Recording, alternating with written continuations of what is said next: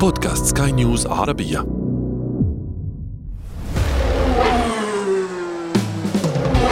محركات برعاية موتو برو.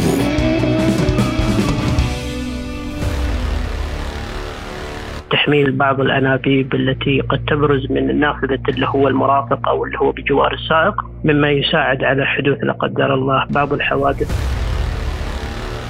أقصى شيء اللي هو سبع ركاب ولكن نجد أن أكثر من 10 إلى 15 شخص ممكن من البالغين يكونون في هذه المركبة.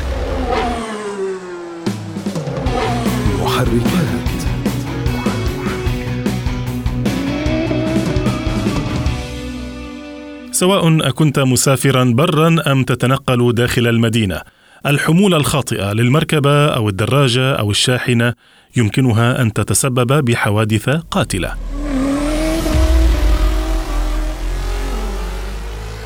أهلا بكم أنا أشرف فارس وأصحابكم في حلقة جديدة من برنامج محركات حيث نهتم بتقوية ثقافة المركبات لديكم. اليوم كما هو واضح بالطبع حديثنا عن الحمولات ولا ابقوا قليلا حديثنا هنا يعنيك أنت ويعنيك أنت. لا نتحدث فقط عن حمولات الشاحنات بل أيضا عن المركبات. ولا نتحدث فقط عن تحميل المركبات للمسافرين برا بل حتى تحميلها بالركاب والأمتعة داخل المدينة. كل مركبة تسير على الطرقات لها حمولة آمنة محددة. إذا تم تخطيها فهي تعرض الجميع للخطر. حتى الدراجة النارية يا سادة. فما بالكم بشاحنة محملة وثقيلة وتنعطف مثلا بسرعة عالية؟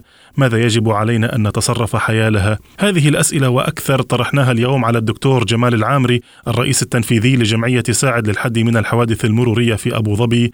وبداية سألناه ما هي أبرز العادات الخاطئة المنتشرة بين السائقين في هذا الموضوع؟ طبعا بالنسبة للعادات الخاطئة المنتشرة بين السائقين وخاصة ممن يقودون المركبات أو السيارات الخفيفة كثيرة. من ضمنها المشاهدات اللي ممكن أن نحن نشوفها في أحيان كثيرة ألا وهي تحميل بعض الأنابيب التي قد تبرز من نافذة اللي هو المرافق أو اللي هو بجوار السائق بالإضافة إلى أعمدة الألواح اللي هي ممكن أنها أيضا تشكل خطورة وتبرز بأكثر من متر ونص إلى مترين إلى الأمام. مما يساعد على حدوث لا قدر الله بعض الحوادث وتكون نتيجتها وخيمة على السائقين أو على السائق ومرافقيه. كذلك أيضا يعني بالنسبة للأشياء اللي ممكن اللي هو تحميل المركبة لأعلى من سقف اللي هو المركبة ب 60 سنتيمتر وهذا مما يشكل عليه خطورة خاصة أثناء الإعطاف أو الدوران.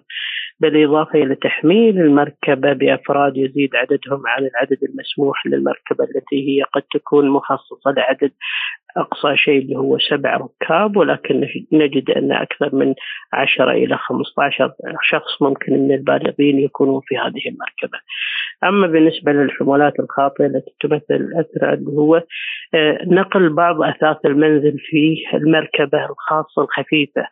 وهذا أيضا تصرف خاطئ من جانب السائقين الذين هم قد يسلكون مثل هذه التصرفات في أحيان كثيرة. ما يمكن استنتاجه من كلام الدكتور جمال أن مركبتي ومركبتك لها حمولة قانونية محددة، كل طراز يختلف عن الآخر، فكيف يمكن معرفة الوزن المسموح أو بالأحرى المناسب لكل مركبة؟ لمعرفة الأوزان الصحيحة والمقررة من المصنع أو من اللي هو البلد المنشأ هناك أيضا في ملاحظات أو من خلال اللي هو التعليمات الموجودة في دفتر المركبة أو الكتالوج اللي ممكن أن يكون موجود في هذه المركبة في أحيان كثيرة يتم اللي هو ذكر عدد الركاب المسموح به بالإضافة إلى الحمولة اللي ممكن تكون مسموحة به بالإضافة إلى الأوزان التي ممكن أن يتحملها وتتحملها هذه الإطارات. الجانب الآخر اللي ممكن إذا أني أنا أبحث على هذه المعلومة إذا لم يوجد اللي هو الكتالوج أو دفتر المركبة ممكن إنها تكون بجوار الباب للسائق من خلال اللي هو اللوحة المعدنية المثبتة من خلال اللي هو أيضا قياسات الإطارات بالإضافة إلى الحمول المطلوبة. وفي بعض الأحيان قد تجدها في اللي هو المكان المخصص بتعبئة الوقود. أيضا في هناك لوحة مثبتة في بعض المركبات. الفكرة من حمولة المركبة لا تعني بالضرورة أنك تقود شاحنة مدنية وتحملها في الخلف بل يكفي أنك تحمل عددا أكثر من اللازم من الركاب في مركبتك الصالون العادية.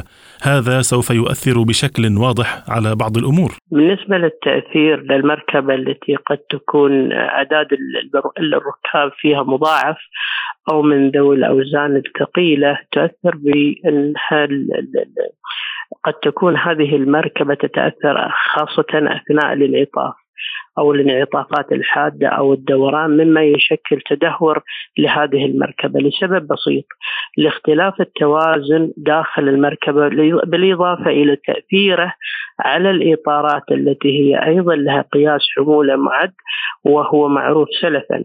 كذلك أيضا بالنسبة أثناء دوران المركبة في هذه الحمولة التي تكون قد تكون غير قانونية أن المحاور الخلفية لابد من اختلاف التسارع بين اللي هو الجانب الأيمن والجانب الأيسر فأي اختلاف في هذه التسارعات قد يؤدي إلى تدهور هذه المركبة بسبب هذه الحمولة الموجودة من البشر أو الأفراد الموجودين في هذه المركبة. ماذا لو كنت تقود مركبة رباعية الدفع عالية ومرتفعة؟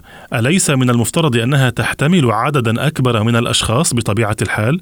فكل ما فيها أكبر، نظام التعليق والإطارات كلها أكبر، أليس كذلك؟ بلد المنشأ أو المصنع الذي يقوم بتصنيع إن كانت المركبات الخفيفة أو المركبات ذات الدفع الرباعي أو أي من الأنواع اللي ممكن أن يستخدمها السائق في نهر الطريق لها حمولات والأهم من ذلك أن هذه الحمولات أيضا موزعة على محاور إن كانت المحاور الأمامية بالإضافة إلى المحاور الخلفية.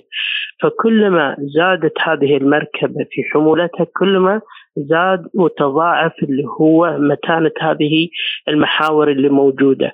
ولكن لا يجعل من نفسه السائق اللي هو ممكن أنه يبرر أي تصرف خاطئ فكلما زادت هذه المركبات في حمولتها كلما تضاعفت الخطورة باختلاف الحمولة على الأوزان المحورية اللي موجودة في هذه المركبة. بغض النظر إن كانت ذات الدفع الرباعي أو إن كانت من السيدان أو بالنسبة لأي من الهاتشباك أو بالنسبة للسيارات الكوبي الخطأ الذي يقع فيه البعض هو تحميل المركبة بمواد لا يفترض أن تكون داخل مركبة مدنية أو على الأقل عندما يتم تحميلها بوضعية خاطئة. البعض يتكاسل عن طلب المساعدة المدفوعة الثمن لنقل بعض المواد الصغيرة الحجم لكن على الأقل أيضا ربما يتوجب أن نتعلم تحميلها بشكل صحيح. طبعا بالنسبة للحمولات الخاطئة أو التصرفات الخاطئة التي ممكن أن يقترفها هؤلاء من السائقين في نهر الطريق بدءا من تحميل الدراجات الهوائية وخاصة أثناء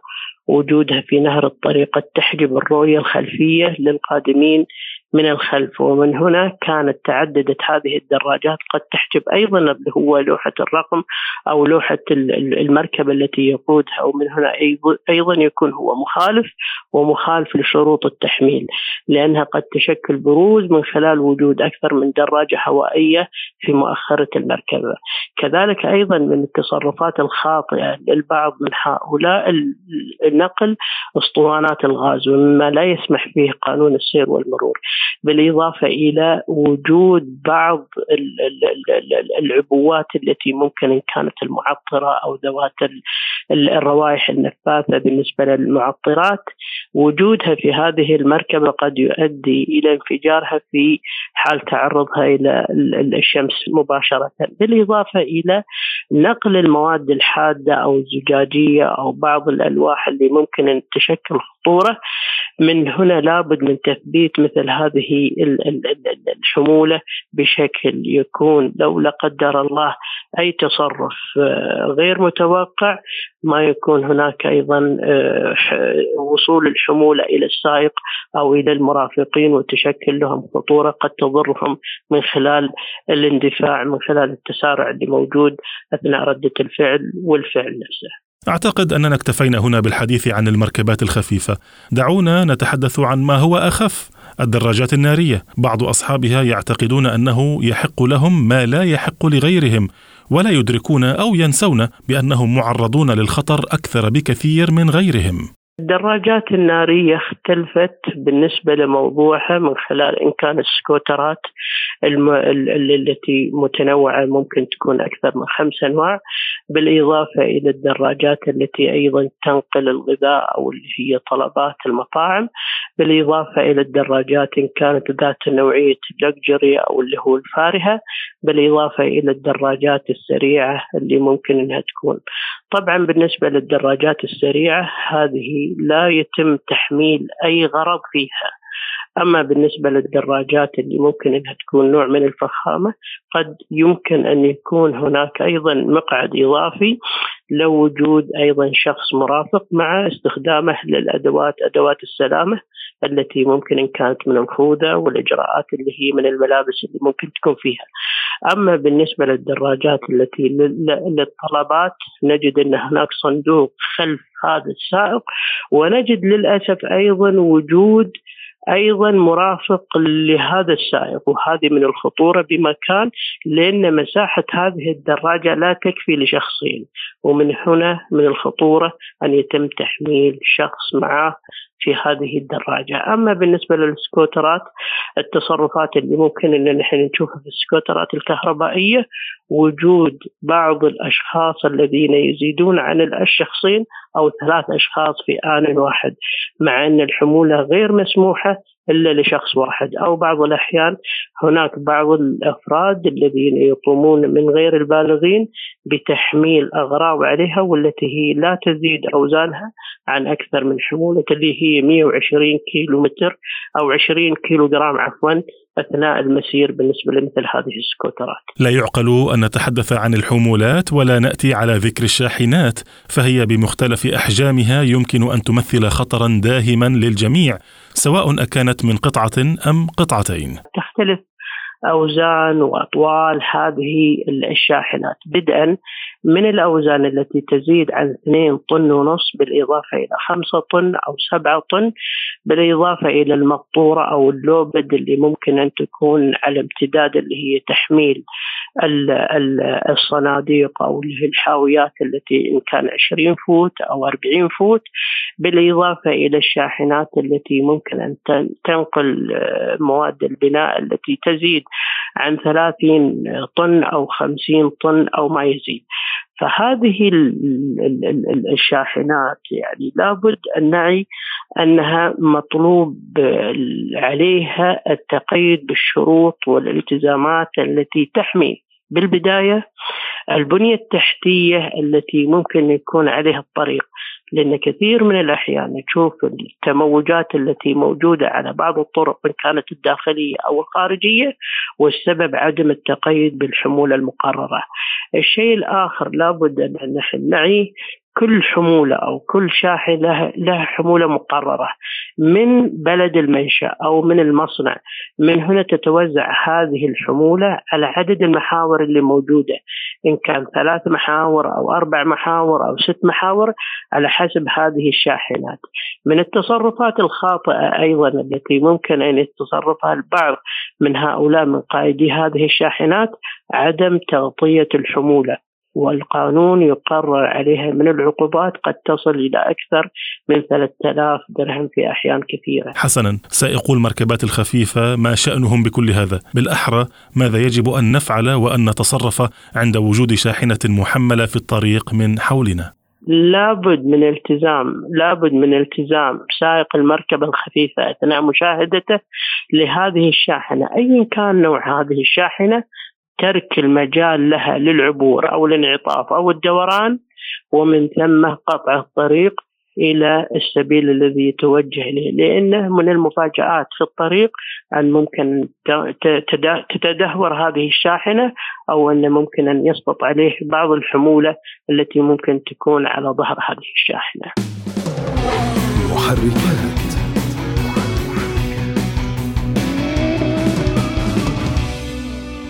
بهذا وصلنا إلى ختام هذه الحلقة. مستمعينا الكرام نتمنى أن نكون قد أفدناكم بمعلومات جديدة اليوم. الشكر موصول بالطبع لضيفنا الدكتور جمال العامري المدير التنفيذي لجمعية ساعد للحد من الحوادث المرورية. وقبل الختام إذا كنتم من عشاق كرة القدم نذكركم بمتابعة برنامج أثير الكرة حيث تجدون التحليلات الكاملة لجميع الفعاليات الكروية الكبرى. أما في هذه الحلقة فقد صحبتكم فيها إعدادا وتقديما. محدثكم أنا أشرف فارس وكان معي في الإخراج الفني آدي طبيب. نلقاكم في حلقة أخرى من برنامج محركات حيث نسعى دائما لتقوية ثقافة المركبات لديكم. في أمان الله. محركات. برعاية موتو برو.